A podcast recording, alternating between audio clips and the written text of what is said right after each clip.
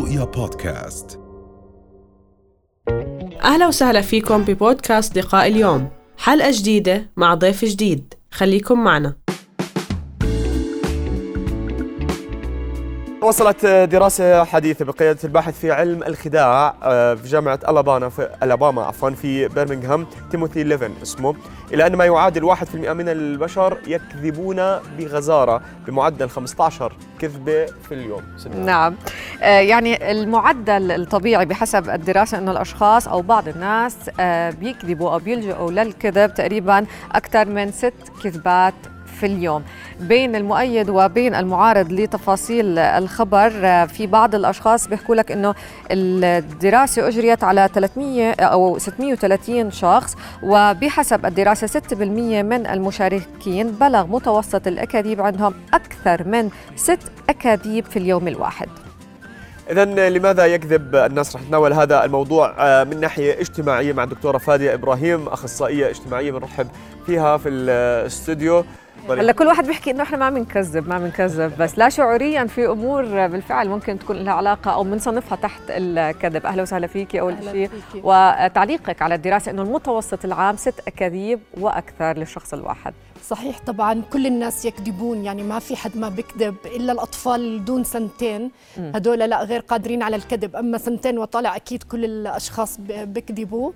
وهذا هو نوع يعني من الخداع اللفظي بيتجهوا فيه الناس لتغيير الحقائق آه، آه، أو آه، يعني إضافة حقائق جديدة أو إلغاء بعض الحقائق لا لا يحكوا يعني الصدق أو نعم. أو الصراحة.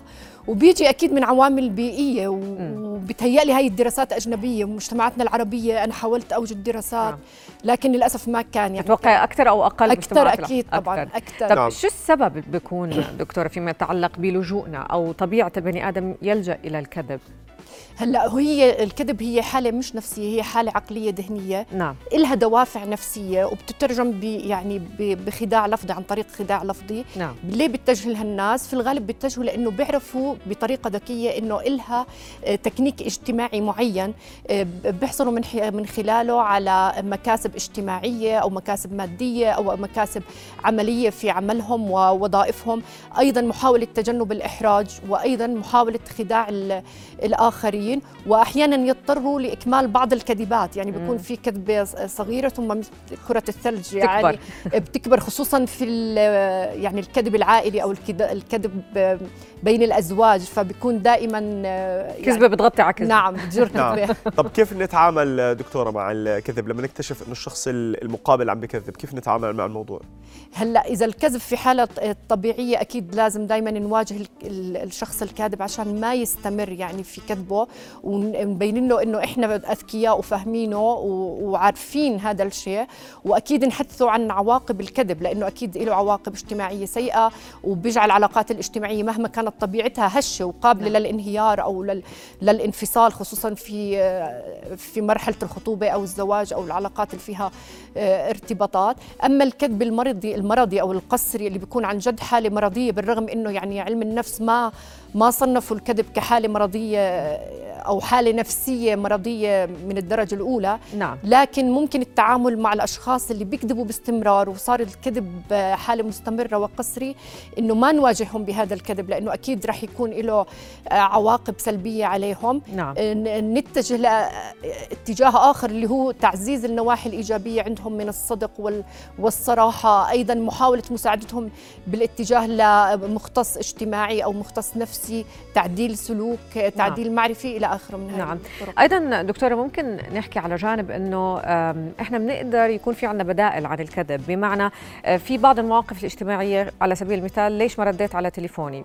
الشخص يمكن لا شعوريا على طول رح يحكي ما شفت التليفون ولكن هناك بديل إنه ما قدرت. يعني هذه الإجابات العامة هي أفضل من الكذب وخصوصا لما نتحدث عن النمذجة أمام أبنائنا. صحيح؟ صحيح. هي اللي بنواجه الكذب لغياب ثقافة الصدق إنه إحنا ما بنربي أبنائنا مثلا على الصدق والرقي في التعامل والصراحة والتسامح وقبول الآخرين وأعذار الآخرين نعم. وتقبل ظروف الآخرين. فبضطر بيضطروا هؤلاء الأطفال يلجأوا ل صحيح. الأساليب الخادعة في في الألفاظ وفي الكذب وب- وبيبنوا يعني بيبنوا عليها آه، أشياء مستقبلية. فبصبح ال- الكذب جزء من شخصياتهم. نعم. لا. طب مين بكذب أكثر الرجال ولا الستات؟ لا أكيد الرجال. عن جد إذا في دراسة إحنا ما حكينا دكتور لا في دراسة بريطانية الرجل يكذب ضعف المرأة. يعني إذا المرأة كذبت عشر كذبات الرجل 20 كذبة.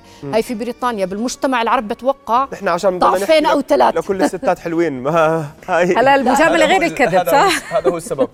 آه، وأيضا كمان المرأة بتحس بالذنب إذا كذبت. أما الرجل لا يعني قليلا ما يشعر بالكذ... بال... بالذنب نتيجة يعني كذبه أو أو بشعر بتأنيب الضمير. نعم. شو بتحبي تحكي؟ رسالة أخيرة لكل الأشخاص اللي بيشعروا بالذنب. وهون عم نحكي كمان على جانب أنه الواحد مش مضطر يبرر. أو مش مضطر يكذب عشان يطلع من الموقف. شو بتنصحي؟ نكون واثقين من نفسنا يعني الكذب بيجي من نتيجة عدم الثقة بالنفس وعدم صقل الشخصية بشكل جيد دخول يعني الأساليب السلبية في التربية. فدائما نعلم أبنائنا على الثقة على التسامح على آه، قبول أعذار الآخرين تحمل ظروفهم. أيضا ال- قبول الشخص لنفسه كما هو يعني ما في داعي للادعاءات أو لتزييف الحقائق أو لتكبير الحقائق أو تغييرها. صح. فدائما يكون الإنسان على طبيعته ويكون عنده ثقة بنفسه بحيث يرضوا فيه يعني صح. الأشخاص كما هو بدون أي تغيير أو تزييف جميل جدا دكتورة فادي إبراهيم أخصائية اجتماعية شكرا جزيلا لوجود. حضرتك. وسهلاً. يعطيك العافية شكرا لحضورك معنا رؤيا بودكاست